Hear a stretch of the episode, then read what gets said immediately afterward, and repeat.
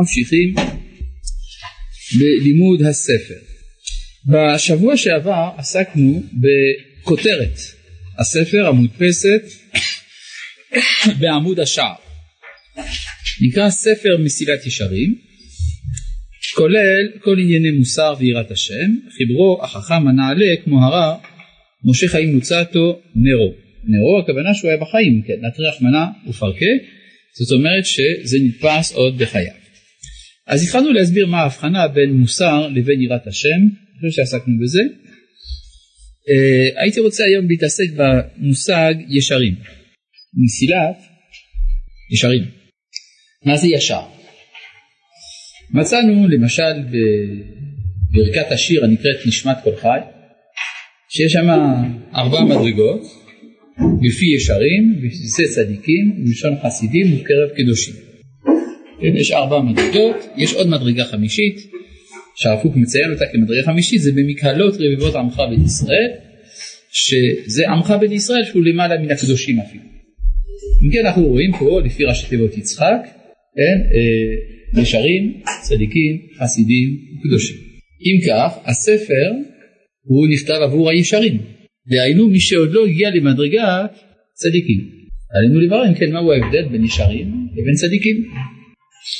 צדיק, ההגדרה אני חושב שהיא הפשוטה ביותר שיכולה להיות. צדיק זה מי שעושה את הטוב ואינו עושה את הרע. הגדרה יפה? קבילה נכון? מה? אחת ההגדרות האפשריות לצדיק זה מי שעושה את הטוב ואינו עושה את הרע. פשוט מאוד. עכשיו, יוצא לפי זה שהישרים הם עוד לא במדרגה הזאת. מה זה הישרים? הוא כן עושה רע, הוא לאו דווקא עושה טוב.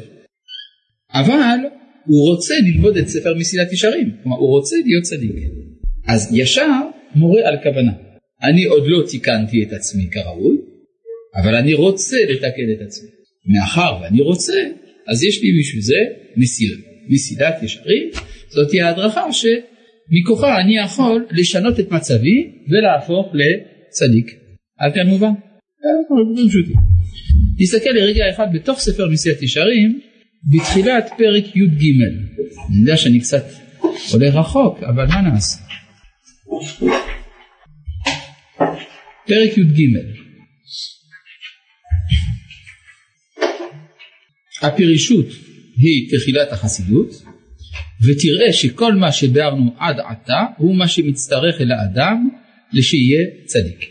ומכאן ולהלאה הוא לשיהיה חסיד. אם כן יש לנו חלקים שונים. אני מתחיל כישר ואת זה בעצם רמח"ל לא לימד אותי. כלומר מה עורר אותי לרצות להיות טוב זה לא רמח"ל לימד אותי.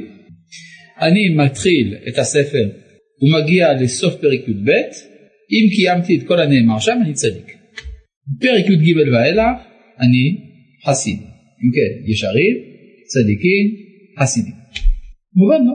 מה המדרגה החסרה? קדושים. איפה אני מגיע לקדושים? זה פרק, הפרק האחרון, פרק כ"ו, בביאור מידת הקדושה. אם כן, ישרים, צדיקים, חסידים וקדושים, זהו המהלך של ההתפתחות המוסרית לפי היהדות בשיטת רמח"ל. מי כתב את נשמת כל חי? למה מה זה משנה? מי שכתב את נשמת כל חי זה ויכוח גדול. יש אומרים שזה פטרוס. ובמחזור ויטרי הוא כותב שאסור לומר את זה, שלא ייתכן דעה כזאת. איך אפשר להכניס את שמעון פטר חמור לתוך הקודש? לא לא, המחזור ויטרי אומר שזה לא נכון שפטרוס כתב, שזה סתם זה אגדה. טוב, על כל פנים, יש על זה דיון, הנזיר זה צד, קצת מפלפל בזה, אבל זה לא הנושא שלנו. זה נשמת כל חי, זה ברכת השיר שמוזכרת כבר במשנה. אז מה זה ברכת השיר? לפחות הסוף זה ודאי דברי חז"ל, ישרים, צדיקים, חסידים וקדושים. מתי עוברים מישר לצדיק?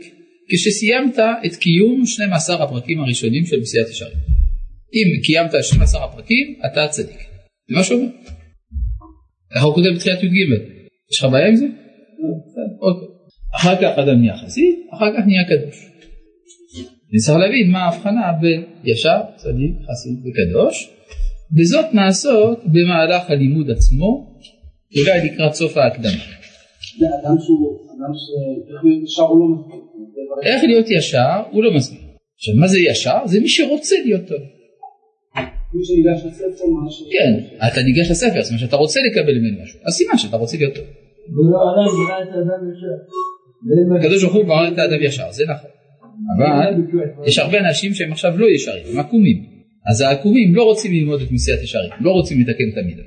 אבל מי שכבר ישר, הוא רוצה גם לעלות למדרגה יותר עליונה, שהיא להיות צדיק.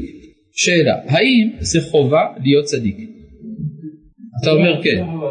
לא חובה להיות צדיק, כבר מותר לעבור עבירות? אסור לעבור עבירות, אז אם כן חייב להיות צדיק. אם מישהו... אז אני שואל, אז בסדר, בסדר, אתה אומר ככה, יש פה איזה, אני מבין, הפסוק הוא באמת מעורר שאלה, הוא אל תהיה צדיק הרבה.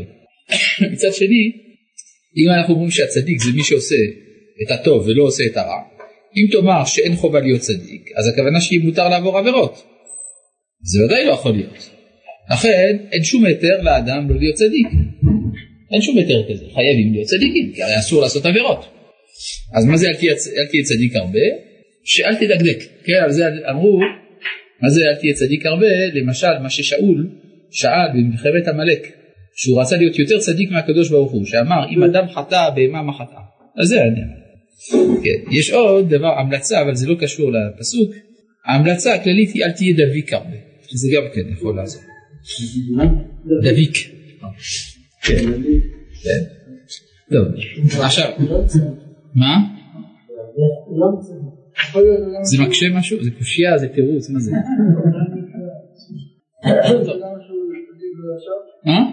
האם יכול להיות אדם צדיק שלא ישר? אין דבר כזה. כך צריך להיות, אלא מה, באמת הנציב וולוז'ין בהקדמתו לספר בראשית מסביר שיש צדיקים שאינם ישרים, אבל הוא אומר שהקדוש ברוך הוא שונא צדיקים כאלה.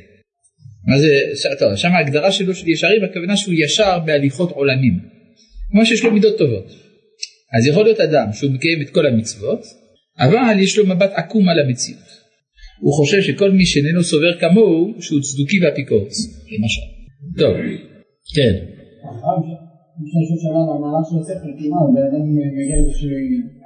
לא מידת הזהירות, אז איזושהי תנועה מעגלית שיכול להיות אדם שהוא ישר ברוב המידות באיזושהי מידה של בחסידות או איזושהי מידה. אה, אתה שואל האם אדם קונה לגמרי מידה שלמה ורק אחרי זה עובר למידה השנייה. לא, זה ברור שהדבר הזה הוא בתהליכים. הרי כתוב במידת הזריזות, אז מסביר לך הרמח"ל שיש שלוש סוגי הערות, כלומר מוטיבציה להיות טוב, של הבינונים, של, ה... של הפחותים ושל שלמי הדעת. אז משמע שכל אחד מהם קרא את המסילת ישרים פעם אחרת. בהתחלה הפחותים קוראים את מסילת ישרים, ואחר כך הם עולים למדרגת בינונים וקוראים עוד פעם את מסילת ישרים. בסדר? ואז הם הופכים להיות שלמי המעלה, שקוראים עוד פעם את מסילת ישרים. אוקיי, עכשיו אני מציע, אני חושב שזו הצעה טובה. להיכנס להקדמה, נכון? הקדמת הרב המחבר.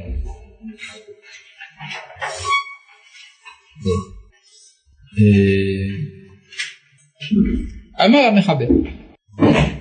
מה, אתה עוד לא? הנה. אמר המחבר, החיבור הזה לא חיברתי ללמד לבני האדם את אשר לא ידעו אלא להזכירם את הידוע להם כבר, ומפורסם אצלם פרסום גדול. במילים אחרות, אני לא מלמד אותך שום דבר. אם אתה לא מלמד שום דבר, אז למה אתה כותב? שאלה טובה. לא?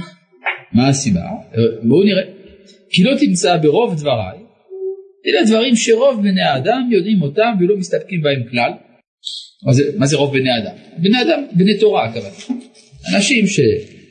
נגיד שייכים לתורניות מבחינה מסוימת, אז כל הדברים שאני אכתוב זה דברים שכמעט ולא תמצא אדם, זה לא סביר שתמצא אדם שלא מסכים עם הדברים שאני כותב.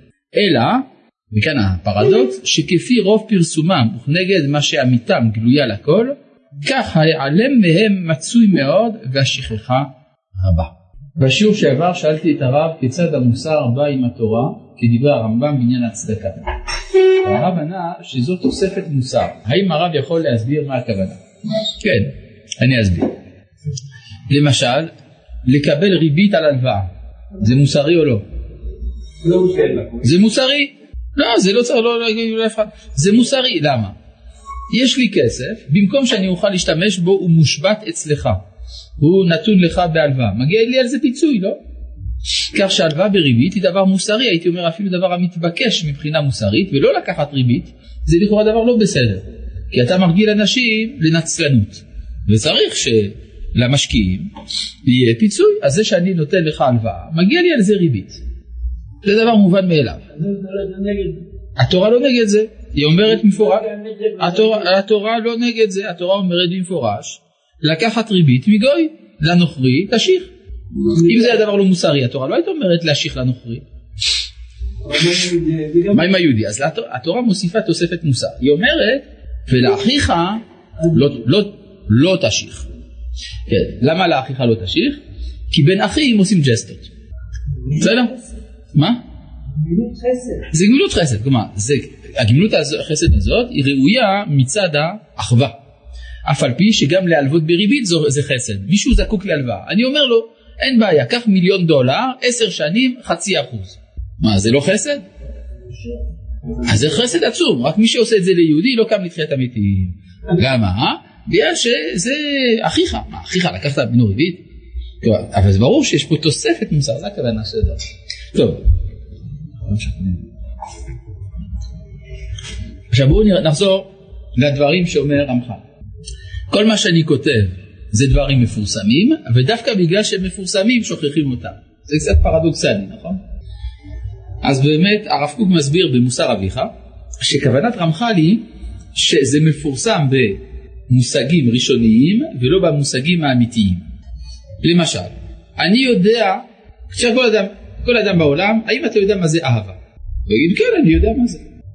אם אתה חוקר באמת, אתה רואה שהוא לא יודע מה זה אהבה באמת. אלא יש לו מושג כהה, פופולרי, של האהבה, אבל הוא באמת לא יודע מהי אהבה באמת. בסדר? כיוון שהוא לא יודע מהי אהבה באמת, אבל יש לו בכל זאת מושג ראשוני, והמושג הראשוני קשור להבנה אמיתית באיזושהי צורה, זה מה שגורם למחסום בפני ההבנה האמיתית. כלומר, אתה יכול, כלומר, אם, לא, אם היית אומר, אני בכלל לא מבין מה זה אהבה, אז זה אדרבה, זה ייתן לך פתח לדעת על מה זה מדובר באמת, אבל מכיוון שאתה כבר חושב שאתה יודע, ומה שאתה כבר יודע הוא לא לגמרי בלתי נכון, כי הוא קצת קשור באיזושהי צורה להבנה אמיתית, זה חוסם את דרכך להבנה האמיתית. ברור? זה כמו ילד, שואלים אותו, האם אתה יודע מה זה אטום? כן, אני יודע מה זה אטום. המורה הסבירה, המורה לטבע, הסבירה שאטום זה כדור קטן שמסתובב, ש... שזה חתיכת חומר קטנה שעשויה מכדור ועוד כמה כדורים מסביב. אז בא המרצה, החוקר לפיזיקה גרעינית, אומר לו, תשמע, זה לא בדיוק ככה, אתה צריך להבין מה זה שדה, ואתה... אז הילד אומר, אתה לא יודע, אני יודע, כי המורה אמרה. כן? אז ברור ש... אז הידיעה הראשונה הזאת שהוא קיבל מהמורה, היא אמנם ידיעה לא נכונה, אבל היא קצת נכונה. היא עוזרת לו להגיע למדרגה יותר. אותו דבר לגבי מידות, תיקון המידות, המוסר וכדומה. אם האדם, מכיוון שיש לאדם ידיעה ראשונית, הוא לא יודע את הידיעה האמיתית. ככה מסביר הרב קוק בספר מוסר אביך. על כן, מתוך כך, אין התועלת הנלקט מזה הספר יוצא מן הקריאה בו פעם אחת. כי כבר אפשר שלא ימצא הקורא בשכלו חידושים אחר קריאתו, שלא היו בו לפני קריאתו, אלא מעט. ויש פה ושם חידושים. האמת היא שיש אצל רמח"ל בהחלט חידושים גדולים בהכרעה בין סוגיות, הגדרות, ראשונים וכולי, אבל הוא מצטנע מאוד, אבל יש פה בהחלט הכרעות. אבל התועלת יצא מן החזרה עליו וההתמדה. כי מה יקרה בזה שאדם יתמיד בקריאת מסיעת ישרים? ייזכרו לו הדברים האלה הנשכחים מבני אדם בטבע, וישים אל ליבו חובתו אשר הוא מתעלם ממנה. כלומר זה לא בתור, אה, איך לומר, אה, סם, אה, סם של שטיפת מוח. לפעמים אנשים אומרים אני אקרא את זה אלף פעם זה ייכנס לי לראש. לא על זה מדובר. אצל רמח"ל הכל על פי שכל. אלא שהנטייה הטבעית מתנגדת לידיעה השכלית, לכן אתה תלמד את זה כמה פעמים בשכלך ואז תבין על מה מדובר. ותראה עכשיו יש פה בעיה, יש קושי נוסף, שעם כל זה שהדברים האלה הם חשובים, אנשים גם לא רוצים ללמוד אותם. כן, מה אתה אומר?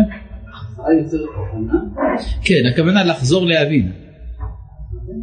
כן, מה שאומר רמח"ל זה לא לחזור לומר, אלא לחזור להבין. צריך ללמוד את הספר הזה מספר פעמים. לאו דווקא תתווסף הנחה חדשה, לפעמים תתחדש לך אותה הבנה שהייתה לך מקודם, רק ששכחת. יש נטייה, יש נטייה לשכוח את הדברים האלה. ותראה, אם תתבונן בהווה ברוב העולם, כלומר במה שמצוי ברוב העולם, כי רוב אנשי השכל המהיר והפיקחים החריפים ישימו רוב התבוננם והסתכלותם בדקות החוכמות ועומק העיונים איש איש כפי נטיית שכלו וחשקו הטבעי. כלומר אנשים רוצים להעסיק את שכלם במה שהם טובים בו. יש אדם שהוא מבין במתמטיקה אז הוא קורא ספרי מתמטיקה, מחקר וכדומה. יש אדם שהוא טוב בהלכה אז הוא שוקע בלימוד ההלכה וכדומה, נכון? אז הוא אומר יש, יש שיטרחו מאוד במחקר הבריאה והטבע. איך קוראים לזה? אנשי מדע. הם חוקרים את הבריאה והטבע. ואחרים ייתנו כל עיונם לתכונה ולהנדסה. מה זה תכונה? אסטרונומיה. אסטרונומיה, כן? מהלך הכוכבים. והנדסה מה זה? גיאומטריה, כן? עוסקים בזה. כלומר זה נקרא יותר מופשט. הבריאה והטבע זה דברים יותר שקשורים לעולם החי, כן? והצומח. אבל יש כאלה שעוסקים גם בכוכבים, או בדברים מופשטים לגמרי, גיאומטריה שזה דבר מופשט. אחרים למלאכות, יש כאלה שלא עוסקים במדע עיוני, אבל עוסקים במדע מעשי. הם לומדים אה, טכנולוגיות שונות, הם אה, עוסקים בכל מה שנצרך לאדם כדי להתקיים בעולם הזה. זה נקרא מלאכות. במלאכות אפשר להשקיע הרבה. עיצוב למשל וכל מיני דברים כאלה. ואחרים ייכנסו יותר אל הקודש, דהיינו לימוד התורה הקדושה. כלומר יש כאלה שלא עוסקים רק במדעים או לא עוסקים אפילו במדעים, הם עוסקים בתורה, רבנים, תלמידי ישיבות וכדומה. מהם בפלפולי ההלכות, מהם במדרשים, מהם בפסקי הדינים. כלומר אתה רואה סוגים שונים של תלמידי חכמים. חכם הוא בקיא בהלכה, השני בפלפול, השלישי במדרשים, בתנ"ך, כל מיני דברים. כל אחד לומד את התחום שהוא מרגיש אה, שייכות מיוחדת אליו. אך מעטים יהיו מן המין הזה. פלפולי הלכות הגמרא. פלפולי ההלכות הוא מתכוון לגמרא. כן. זה נקרא פלפול ההלכה, למה? כי זאת לא ההלכה עצמה. כשאתה לומד גמרא אתה לא לומד הלכה. יכול שהוא מתכוון גם להתפלפלות שהייתה אה, בדורות האחרונים. יכול להיות. אך מעטים יהיו מן המין הזה אשר יקבעו עיון ולימוד על ענייני שלמות העבודה, על האהבה, על היראה, על הדבקות ועל כל שאר חלקי החסידות. כלומר כל מה שייך לתורת המוסר ותיקון המידות, אתה לא מוצא קביעות בלימוד הזה, או התמחות בלימוד הזה. עכשיו תגיד, אולי זה בגלל שחושבים שזה לא חשוב. אז זה לא נכון, הם לא חושבים שזה לא חשוב. ולא מפני שאין דברים אלה עיקרים אצלם, כי אם תשאל להם, כל אחד יאמר שזהו העיקר הגדול, ושלא ידומה חכם שיהיה חכם באמת, שלא ידברו אצלו כל הדברים האלה. כלומר, אם החכם יש לו חס וחלילה גאווה, או כעס, או עצלות, או רדיפת התאוות, אז זה ברור שחכם כזה הוא לא חכם. כולם מסכימים, צריך להיות מוסרי, לא?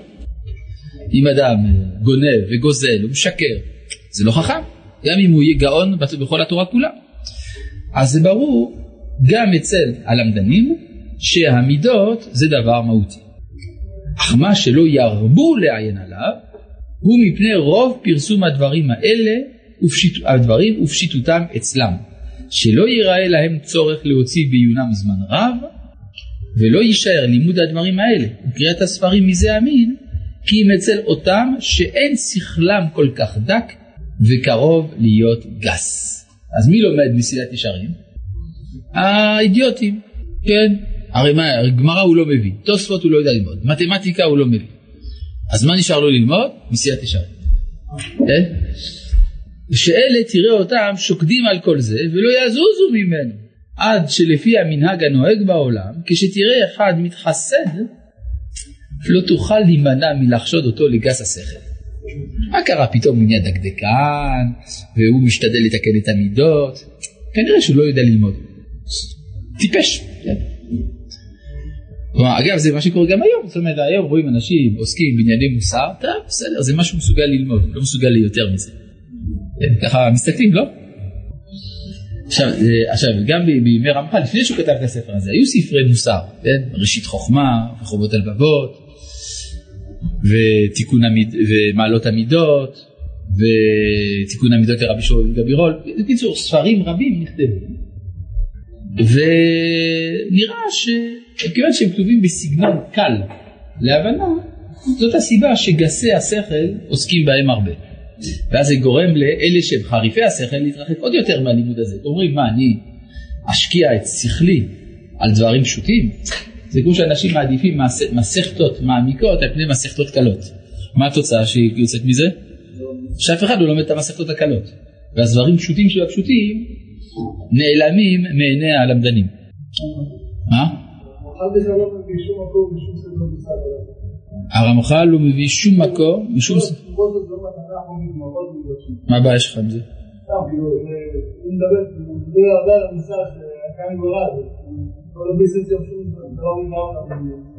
זאת אמת, אז מה?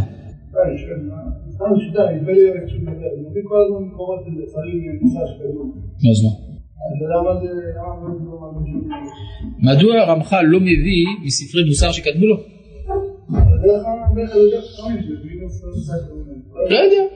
האמת היא שידוע שבעם ישראל הדבר היחיד שמחייב אה, שמחייב זה או תורה שבכתב או תורה שבעל פה עד חתימת התלמוד. זה מה שמחייב. כל מה שאחרי זה, אם יש לזה מקור בתלמוד, נקבל.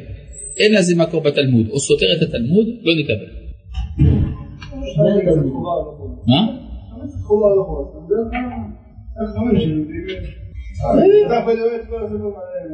אז אתה שואל מדוע הרמח"ל לא כתב כמו הפלא יועץ?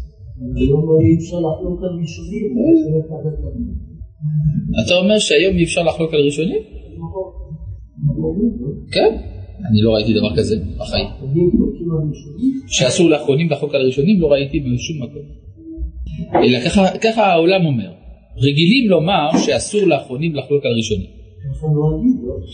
ככה נוהגים זה לא נכון. זה לא נכון. בהרבה מקומות מצאנו שאחרונים חולקים על גדולי הראשונים. אין בזה. בסדר, אבל זה אומר שבאופן עקרוני הדבר הזה הוא אפשרי. אלא מה? אנחנו יראים מלחלוק על הראשונים. כי אנחנו אומרים, הם היו ענקי עולם, והם בוודאי מבינים מה שאנחנו לא הבנו. ולכן אנחנו, עד שאנחנו מחליטים לחלוק על הראשון, אנחנו אה, אוכלים הרבה ספגטי. אבל אם אחרי כל הדיון וכל העיון נראה לנו לחלוק על הראשון, נחלוק גם על הראשון. בסדר? זה דבר נדיר מאוד, אבל זה קורה. אפילו על הגאונים אפשר לחלוק. זה לא לא הכלל שלא הראשונים. השאלה אם יש חיוב, לא. אסור לחלוק על הראשונים, אין דבר כזה, זה לא נכון. אלא מה? לא כל אחד יכול לחלוק על ראשונים. אבל למשל, אה, יש אה, בתשובות קול גדול לרבי יעקב קולי. היה דיון אצל רבנו יעקב קולי, מגדולי האחרונים ביוגוסלביה. היה דיון לגבי אה, צבע מאכל שמקורו בתולעת. והשאלה אם הצבע המאכל הזה הוא אסור או מותר. ורבנו יעקב קולי אמר שמותר, ומישהו הקשה עליו מהרשב"א והרמב"ן. ואז הוא ענה, שימו לב טוב טוב למה שכותב תלמיד חכם כזה, הוא אומר, וכי תנאים הם? ככה הוא ענה. אז זה לא פשוט, נדבר על הרמב"ן והרשב"א. אבל הוא אומר את האמת, הוא מחויב לאמת. אם דבר, דבריהם של הרמב"ן והרשב"א סותרים לדעתו את דברי התלמוד, הוא לא יכול לפסוק כמו הרמב"ן והרשב"א. בדרך כלל, כן, מביאים דעת יחיד מהראשונים אם אפשר, ואם אי אפשר, אבל נראה לך שזאת האמת. אז אתה פוסק ככה. זה נדיר ביותר, כי הראשונים היו ענקים, כן? אבל בכל זאת אפשר. בסדר? טוב. ואולם, דברים פשוטים, צריך להיות עם בהירות המחשבה. כבר כתב רבנו משה מבוטרל, רבנו משה בוטרל, רבינו משה בוטרל היה מגדולי ישראל בפרובנס, כן? בפירושו לספר יצירה. הוא אומר, וכבר כתב החכם אריסטו, אהוב אפלטון, אהוב סוקרטס, אך האמת אהוב משניהם. כך כותב רבינו משה בוטרל. בסדר? בשם החכם אריסטו, בפירושו לספר יצירה. מותר לחלוק. על רבי משה בוטרל מותר לחלוק? אה, על אריסטו מותר לחלוק. אם יש לך ראייה. כן, טוב. ובאולם, תולדות המנהג הזה רעות מאוד, לחכמים ולבלתי חכמים, כי גורם שמאלה ומאלה יחסר החסידות האמיתי ויהיה יקר מאוד למצוא אותו בעולם. יקר הכוונה נדיר. המילה יקר, פה זה במובן המקראי של המילה, שזה יהיה, אה, שזה יהיה נדיר. כי יחסר מן החכמים, מה יחסר? החסידות. אגב, חסידות זה זכר או נקבה? אז הוא אומר יחסר? מה? אלא כנראה שהוא חושב שחסידות זה זכר.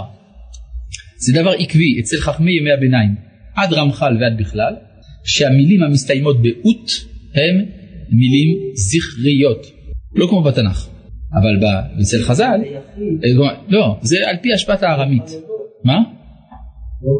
זה לא נקבה, זה זה חלום. כן, זה לא קשור פה לרבים או, יחיד. המילה חסידות, למשל המילה גלות, כן? אתה אומר? הגלות אמר, נכון? אה, ודאי. איך אומרים? אה, חדש ימינו בגלות. ישן, לא בגלות ישנה, נכון? חדש ימינו בגלות ישן, עורה, למה תישן. אז עכשיו, לא, החרוז הציל מהמתקנים. כי מתקני הנוסחאות היו מתים לשנות את זה ולהגיד שצריך לתקן בגלות ישנה, אבל אז זה לא מתחרז, אז זה מה שהציב.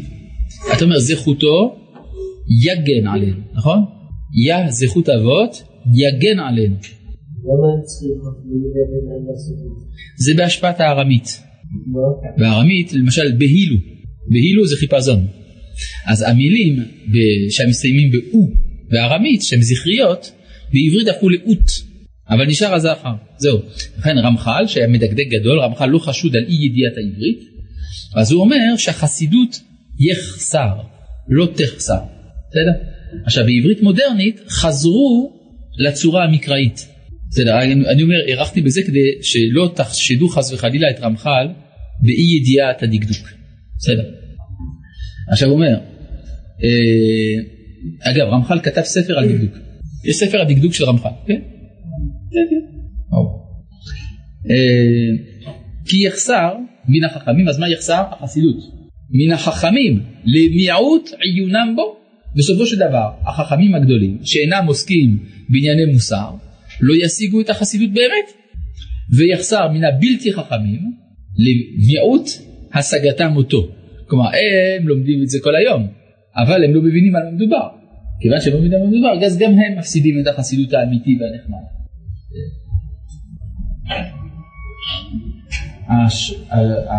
השואל קורא לעצמו שחר, כתובת אי ללא תורה, אילת. חס ושלום, אין תורה באילת, ועוד איך שיש תורה באילת. יש הרבה חבר'ה משלנו אפילו שם. שלום רב כבוד הרב. מה?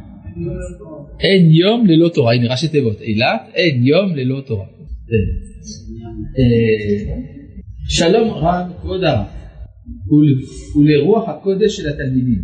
האם כל התפיסה שלנו היא בעצם מסך בהכרח לתפיסה הבאה, שאיני מבין בעצם כלום בכבוד רב. נכון, זה דבריך אמת. שכל תפיסה שאנחנו תופסים, כל רעיון שאנחנו מגבשים, מקרב אותנו אל ההבנה, ובאותה מידה גם מרחיק אותנו מן ההבנה. זה אחד הקשיים שיש בהשגה האנושית. כן, מספרים למשל על אה, יונתן בן עוזיאל, גדול התלמידים של הלל הזקן. הוא, איך כתוב, שכשהוא היה עוסק בתורה, כל עוף שהיה עובר מעל ראשו מיד נשרף. השאלה היא, מה יש לו ליונתן בן עוזיאל לשבת במקום שבו העופות עוברים? כן? זה קצת מוזר, לא? כלומר, המחשבה של יונתן בן עוזיאל היא מיקרוגל. מה אתה אומר? מה אשמים העופות? כן. יגידו לך שזה גלגול של מישהו שצריך להישרף, כן. לא, בפשטות, מה זה העופות שיש לו מעל הראש? האדם חושב מחשבות. המחשבות מקבלות צורה. זה העוף, זה מחשבה שקיבלה צורה. היא התגבשה. היא הפכה להיות נוסחה, דוגמה. צריך מיד לשרוף את זה. כלומר, המעמיק, המעמיק, ב... וזה יונתן בן עוזיאל עושה את מעשה מרכבה. אלא מה? שכאשר האדם חושב, הוא צריך בעצם לייצר עופות ולשרוף, כדי לעשות עופות יותר טובים ולשרוף גם אותם. בסדר? עד שבסוף אי אפשר להחזיק יותר מעמד מפני ריח הנוצות.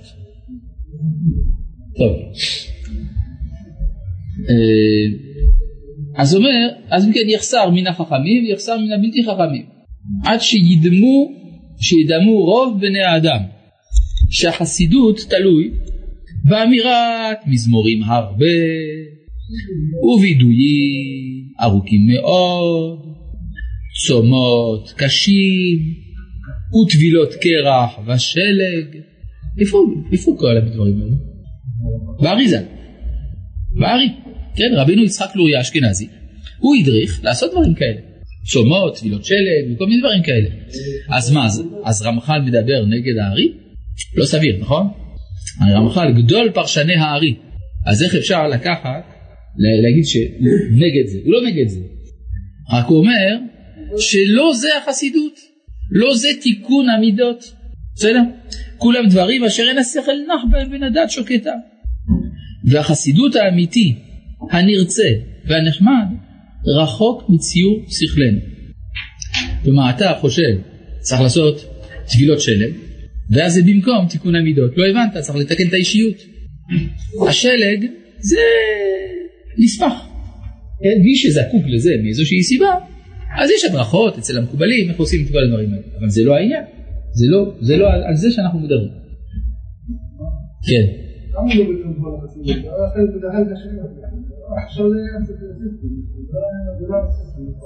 אני חוזר על שאלתך המחכימה. אתה שואל מדוע הוא מדבר כל הזמן על החסידות, והלא החסידות איננה המידה הראשונה. היא גם לא מידת כל האדם. שהרי זה רק מפרק אפילו יותר מזה, ט"ו, ט"ז, משהו באזור, נכון? י"ט. אז בשביל מה הוא מדבר על החסידות? בסדר? עד כאן שאלתך. תשובה. המילה חסידות בהקדמה אין לה המשמעות של המילה חסידות בהמשך. חסידות פה הכוונה תורת המידות. בתוך תורת המידות, אחת המידות נקראת חסידות גם כן. בסדר? זאת הבעיה שיש מילים עם משמעות כפולה. אנחנו צריכים להתרגל לדבר הזה. חסדות זה לא... התחסדות. המידת החסידות שמה זה לעשות יותר מן הטוב. כן? אבל אה, פה מדובר על אה, חסידות ככלל. כל תורת המידות אנחנו קוראים לה חסידות. אגב, אין זה קשור לתורת החסידות של הבעל שם טוב למשל, שזה עוד סיפור, כן? פעם מישהו אמר לי, מאוד אהבתי את הספר שמונה פרקים להרמב"ם, כי ראיתי איך הוא קשור לתורת החסידות. אז אמרתי, איך? אמר כן, הוא כל הזמן אומר החסידות, החסידות. כן? רק שהשואל לא ידע שהבעל שם טוב עוד לא חשב להיוולד אפילו, כשהרמב"ם כתב את זה. טוב. כן. אז אני שואל מה פירוש המילה חסידים בתנ"ך? זה עוד שאלה. או למשל חסידים בימי החשמונאים, כשהייתה מלחמה ביוונים. הקבוצה הראשונה שנלחמה נגד היוונים קראו לה חסידים. כן? זה עוד משהו. ויש חסידי אשכנז, ויש רבי יהודה חסיד. חסידים הראשונים. המקרא זה המקור. יכול להיות. אני לא יודע, לא יודע, אני לומד מסיעת ישרים, אם הייתי לומד תנ"ך, אשריך, אתה לומד תנ"ך, אתה יודע, אני לא לומד תנ"ך, אני לומד מסיעת ישרים, לפחות עכשיו. טוב, לא יודע, מה אני, מה אני מילון? טוב, כי זה, אז הוא אומר, והחסידות האמיתי הנרצה והנחמד, רחוק מציור שכלנו, כי זה דבר פשוט. מילתא דלה רמיה על ידי אנש, לא בדעתי. ואף על פי שכבר קבועים בלב כל האדם הישר, התחלותיו ויסודותיו, אם לא יעסוק בהם, יראה פרטיו ולא יכירם, יעבור עליהם ולא ירגיש בהם. כלומר, אתה אפילו תיפגש עם הדברים, ואתה לא תדע שזה זה.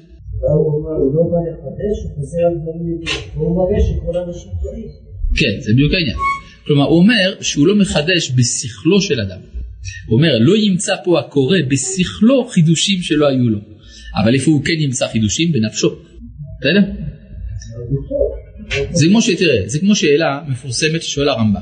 אני אגיד את זה בסגנון שלי, אבל זה תואם את השאלה של הרמב"ם. מה ההבדל ביני לבין משה רבנו? לכאורה, מה שמשה יודע גם אני יודע. משה יודע שיש אלוהים? גם אני יודע. משה יודע שיש עולם? גם אני יודע. משה יודע שאי אפשר להשיג את אלוהים? גם אני יודע. אז אני ומשה רבנו יודעים אותו הדבר. עד כאן דברי קודשו של הרמב"ם. במורה נבוכים, בפרק נ' משהו, הוא מקשה את הזאת. בסדר? והלא ידוע שיש בזה מדרגות רבות בהשגת השם. בסדר? ככה שואל הרמב"ם. אלא מה? כנראה, אני לא אכנס לתשובה שנותן הרמב"ם. התשובה שם היא מעמיקה והיא צריכה דיון. אבל מה שברור זה שיש הבדל בין לדעת לבין להשיג. אז לכן, מבחינה שכלית, הקורא יאמר, כל זה אני ידעתי.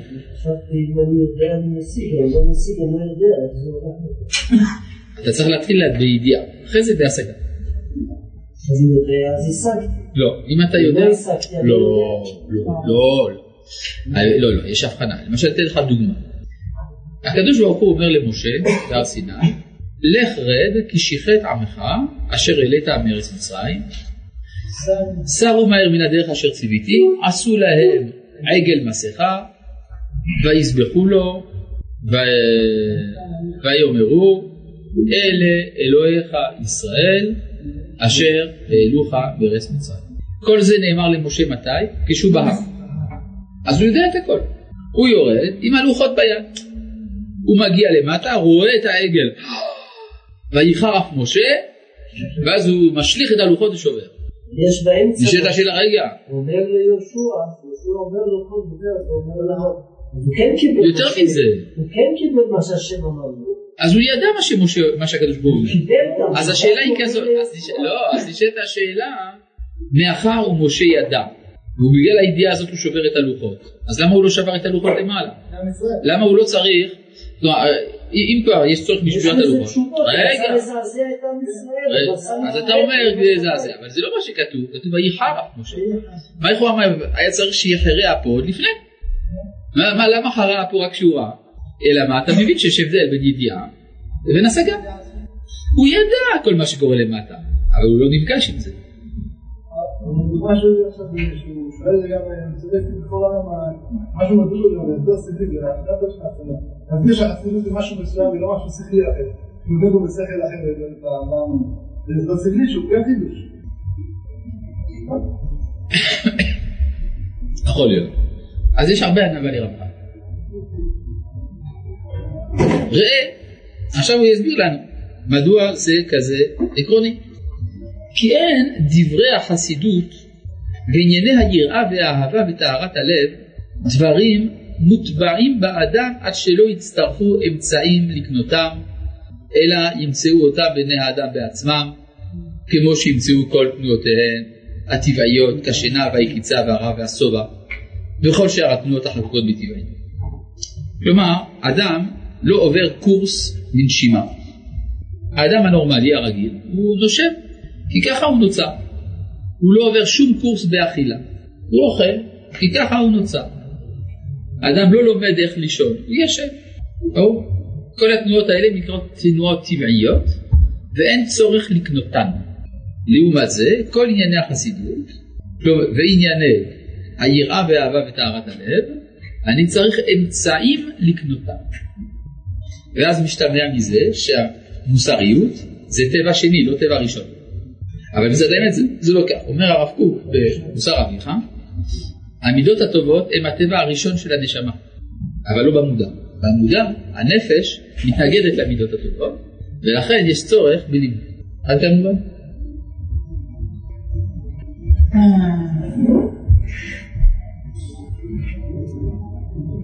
האם חסידות לפי שיטת רבינו הרמח"ל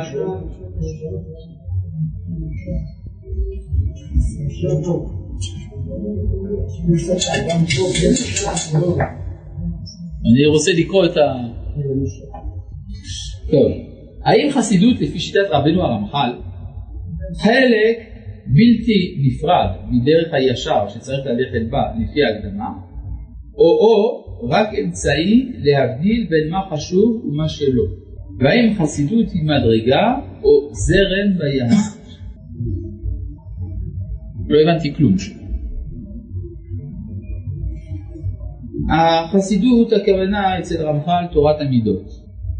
אחת מן המידות גם היא נקראת חסידות זה משמעות אחרת. האם חסידות זה מדרגה או זרם ביהדות? יש זרמים ביהדות שנקראים חסידות אבל זה לא קשור לנושא שלנו.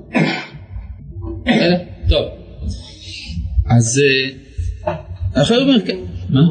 אה? את האדם פה. So what?